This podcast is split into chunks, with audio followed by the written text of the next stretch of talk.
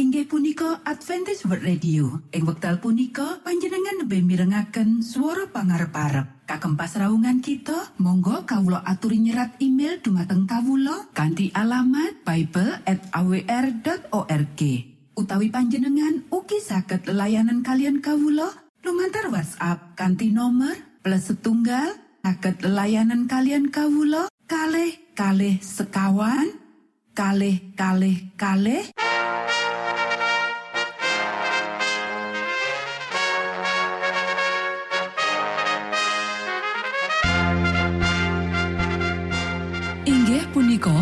Adventist World Radio ingkang giaran kanti basa Jawi.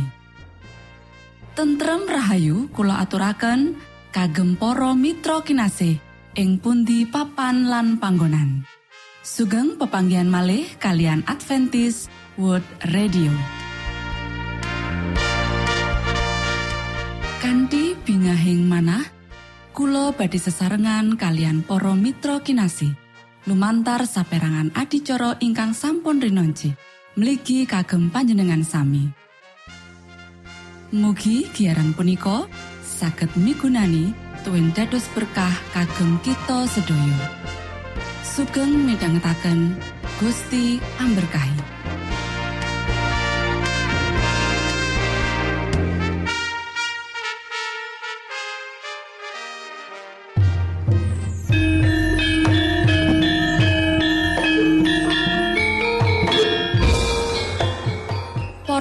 Pamirsa kinasih ing Gusti Yesus Kristus. Ing wekdal punika, kita badhe sesarengan ing adicara ruang kesehatan. Ingkang saestu migunani kagem panjenengan saha kita sami. Tips utawi pitedah ingkang dipun aturaken ing program punika tetales dawuhipun Gusti ingkang dipunnyatakaken ing kitab suci. Semanten ugi sakehing seratan ingkang dipun wangsitaken dening Gusti Allah. Nanging saderengipun monggo kita sami midhangetaken kidung pujian.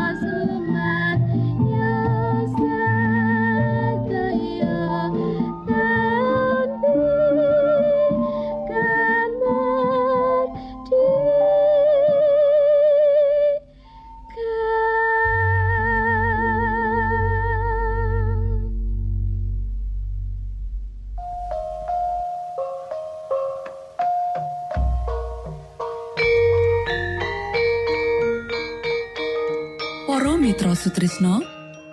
Puji syukur dumateng Gusti ingkang murbeng dumati ingkang sampun kepareng paring wewenngan kagem kita. Satemah saged nglajengaken ruang kesehatan. Pirembakan kita semangke kanthi irah-irahan. Sandangan perangan katelu.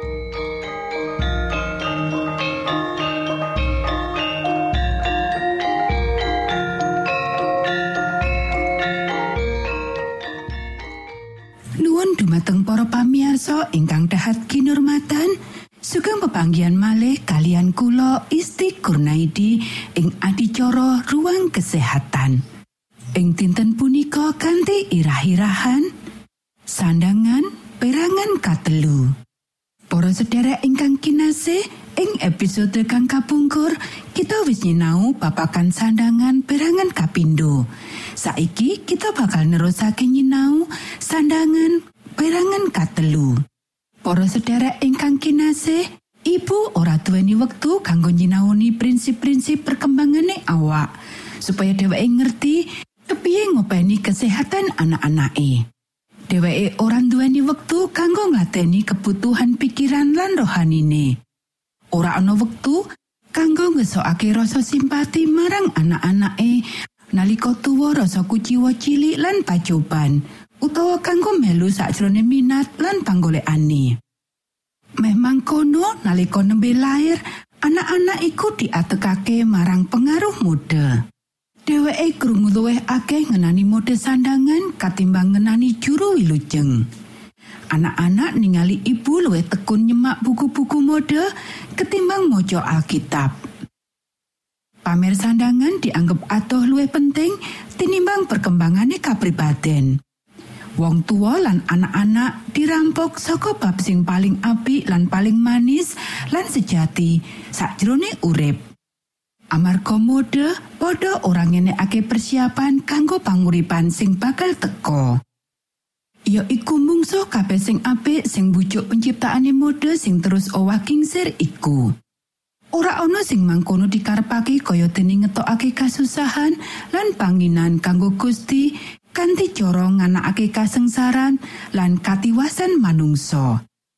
Salah siji cara sing endi dheweke banget kasil kanggo iku, ya iku mode sandangan sing ngringkehake awak lan uga nglempohake pikiran lan ngremehake jiwa. Para sederek ingkang kinasih, para wanita atu arep karo leloro-leloro sing parah lan kasangsarane luwih tambah parah kanggo carane nganggo sandangan. Kantine ngopeni kesehatan kanggo kahanan darurat sing mesti bakal teko, oleh pakulinan-pakulinan sing kleru, dheweke asring banget ngorbanake tutumung kesehatan nanging uga nyawa lan ninggalake marang anak-anake warisan ciloko arupa kahanan awak sing bobrok, pakulinan-pakulinan sing nyimpang lan pamikiran palsu babagan panguripan. Salah siji saka alat pamborosan lan rancangan mode sing jahat, ya iku rok sing nyapu lemah, reget, ora nyaman, ora bebas, lan ora sehat. Luwih-luwih maneh nganggo rok dawa nganggo buntut. Iku iya pemborosan, merga kejaba merlokake bahan sing akeh banget, uga arang dienggo merga dawane. Lan sapa wae sing tau weruh wanita nganggo rok dawa nganggo buntut iku, nganggo tangan loro ngangkat bagian rok nalika munggah mudhun tratakan, nalika munggah kendaraan umum, mlaku ana ing tengah-tengah kruyukan wong akeh, mlaku wektu udan utawa ning dalan sing blekuk. Ora perlu bukti liyane maneh menawa sandangan kaya iku ora nyenengake lan ora nyaman. Para sederek, ana maneh kejahatan tenanan yaiku nganggo rok sing abote kudu dipikul dening bangkean. Sandangan sing abot iki nekan organ-organ awak jero, deret mangisor lan jalari karingkihan ana weteng lan nyebabake kelesuan nganti sing nganggo condong bungkuk sing sak teruse ngebot-eboti paru-paru nganti ambekan sing bener dadi luwih angel. Para sedherek ingkang kinasih, Saksuwene tahun-tahun pungkasan iki wis diomongake dawa-dawa perkara bebaya akibat tekanan marang pangkean saengga mung sedidik wong sing ora ngerti babagan iki. Nanging mangkono, gede kekuatane mode nganti kejahatan iki terus lumaku. Kanthi cara kaya iki, kaum wanita lan anak-anak prawan cilik lagi munculake bebaya sing ora dinira marang dirine dhewe. Para sedherek ingkang pinasih, ya iki penting kanggo kesehatan supaya rongga dada duweni cukup ruangan kanggo ngembang saamba-ambane nganti paru-paru bisa kerja sawutuwe. Menawa paru-paru kateken, mula jumlahe oksigen sing mlebu sakjerone kurang. Getih ora entuk kabisan sing sampurno. Lan zat-zat uwo sing ngandhut racun sing kutune dibuang lumantar paru-paru tetep ana ing kono. Tambahan uga peredarane bakal kaganggu lan organ-organ jero awak dadi abot banget saingga organ-organ iku ora bisa ngleksanakake panggawene kanthi sak mestine. Matur nuwun, Gusti amberkahi.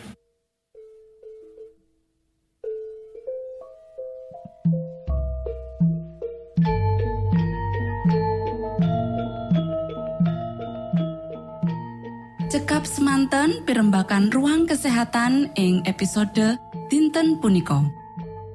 Ugi sampun kuatos jalaran kita badhe pinanggih malih ing episode sak lajengipun.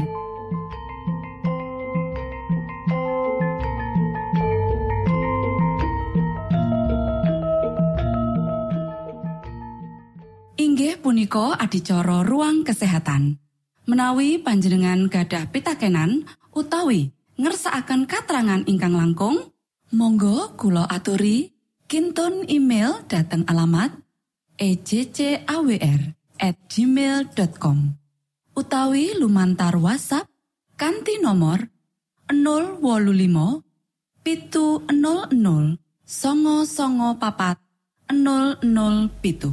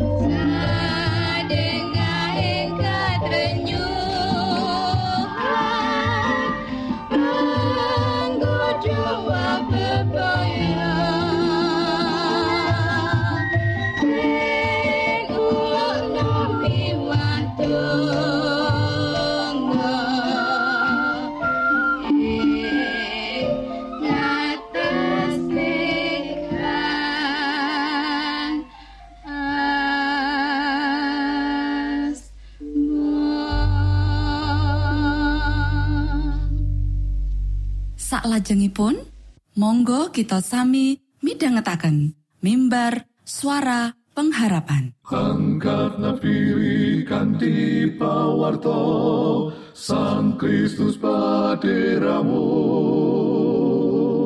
Pro umat samyo puji asmanyo Sang Kristus paderamu. Inggih punika mimbar suara pengharapan. Ing episode punika kanthi irah-irahan Jejibahan setunggalipun penata layan. sugeng midhangetaken. minangka tondo Sang Kristus paderamu ilmu kawero tambah tambah Sang Kristus paderamu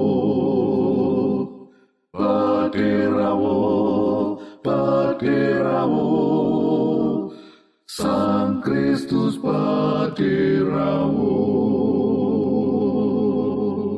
Shalom para pamiarsa ingkang kinasih wonten ing Gusti. Sakmenika kita badhe mitangetaken renungan Sabtu pangantikanipun Gusti.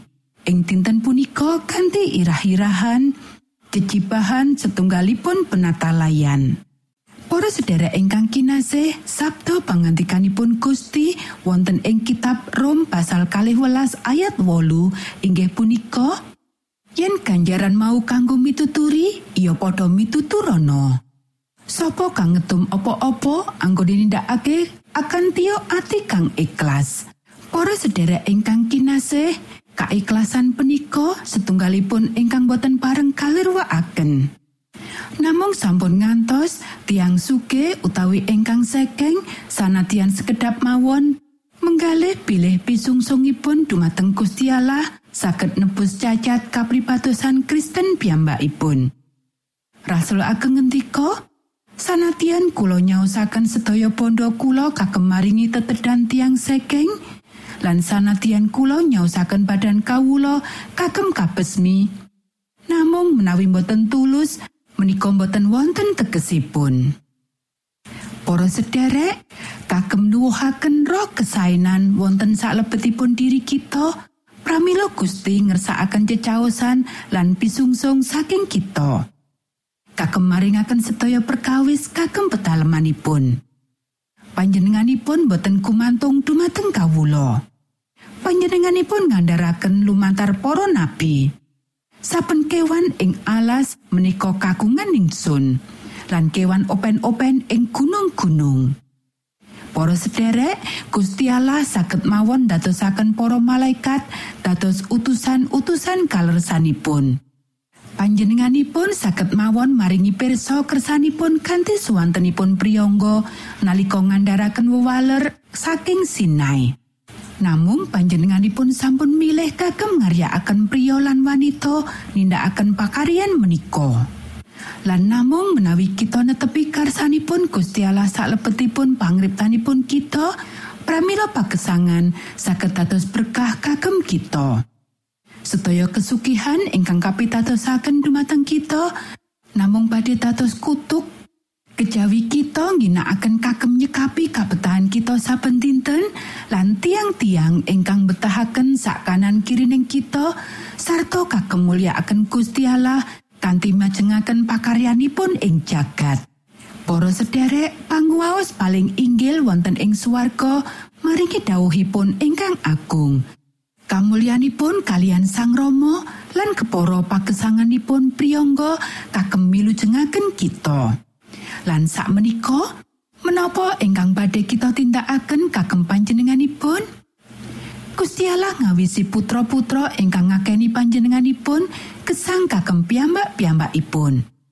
Wonten saklebetipun pagesangan menika, panjenenganipun ngersakaken supados sedaya sesagetan kita dipun ginakaken. Para sederek, kita mboten pareng nganggep pro sepuluhan dados watesan kagem kamartikan kita. Tiang-tiang Yahudi kawajibaken ngasta sakwilangan pisungsung dumateng Gusti Allah sanesipun prosepuluhan. Lan menapa boten kita ingkang sampun ngrahapi berkah Injil menika nindakaken kados mekaten kagem memetri pakaryanipun Gusti Allah kados dene katindakaken dening paugeran saderengipun ingkang kirang karenan nyondongi kalian sansaya wiyaripun pakaryan ing wekdal menika ing jagat timbalan kagem pambiyantu tansah sansaya mindak Monggo kita kanthi sukarena ngaturaken woh sepisanan peparingipun dumateng pangripta kita. Pondo kagungan kita ingkang paling aos lan paling suci. Monggo kita sami ndedonga. Duh Rama kawula ingkang wonten ing swarga, asma patuko mugi kasucikaken. Kraton patuko mugi rawuh. Karso patuko mugi kalampahan wonten ing bumi kados dene wonten ing swarga. Kawula mugi kaparingan rejeki kawula sak cekapipun ing dinten punika.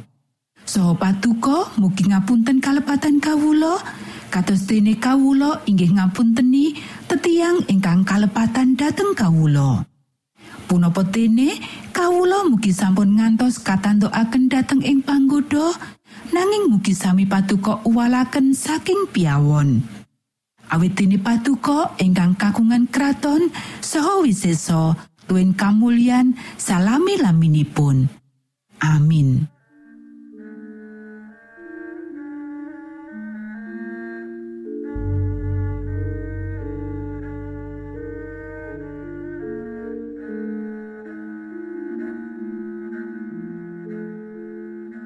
Mitra Sutrisno pamiarsa kinasih ing Gusti Yesus Kristus.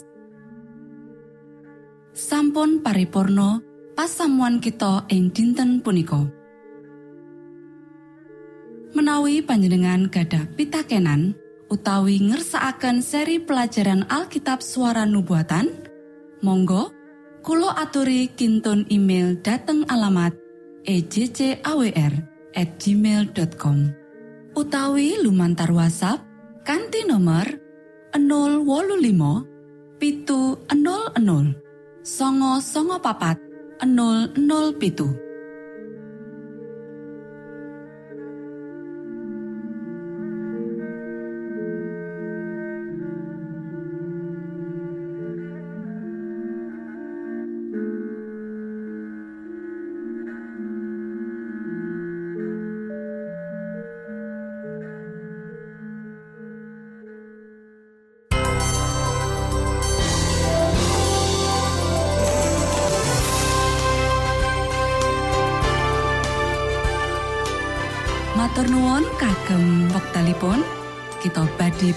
malih ing gelombang ugi wekdal ingkang sami.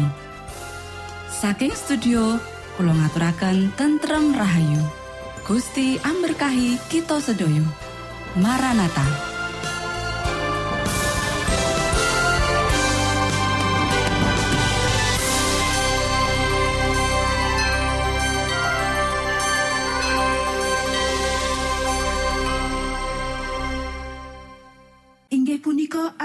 World Radio. Ing wekdal punika panjenengan lebih mirengaken suara pangarep-arep. Kagem pasraungan kita, monggo kawula aturi nyerat email dumateng kawula kanthi alamat bible@awr.org.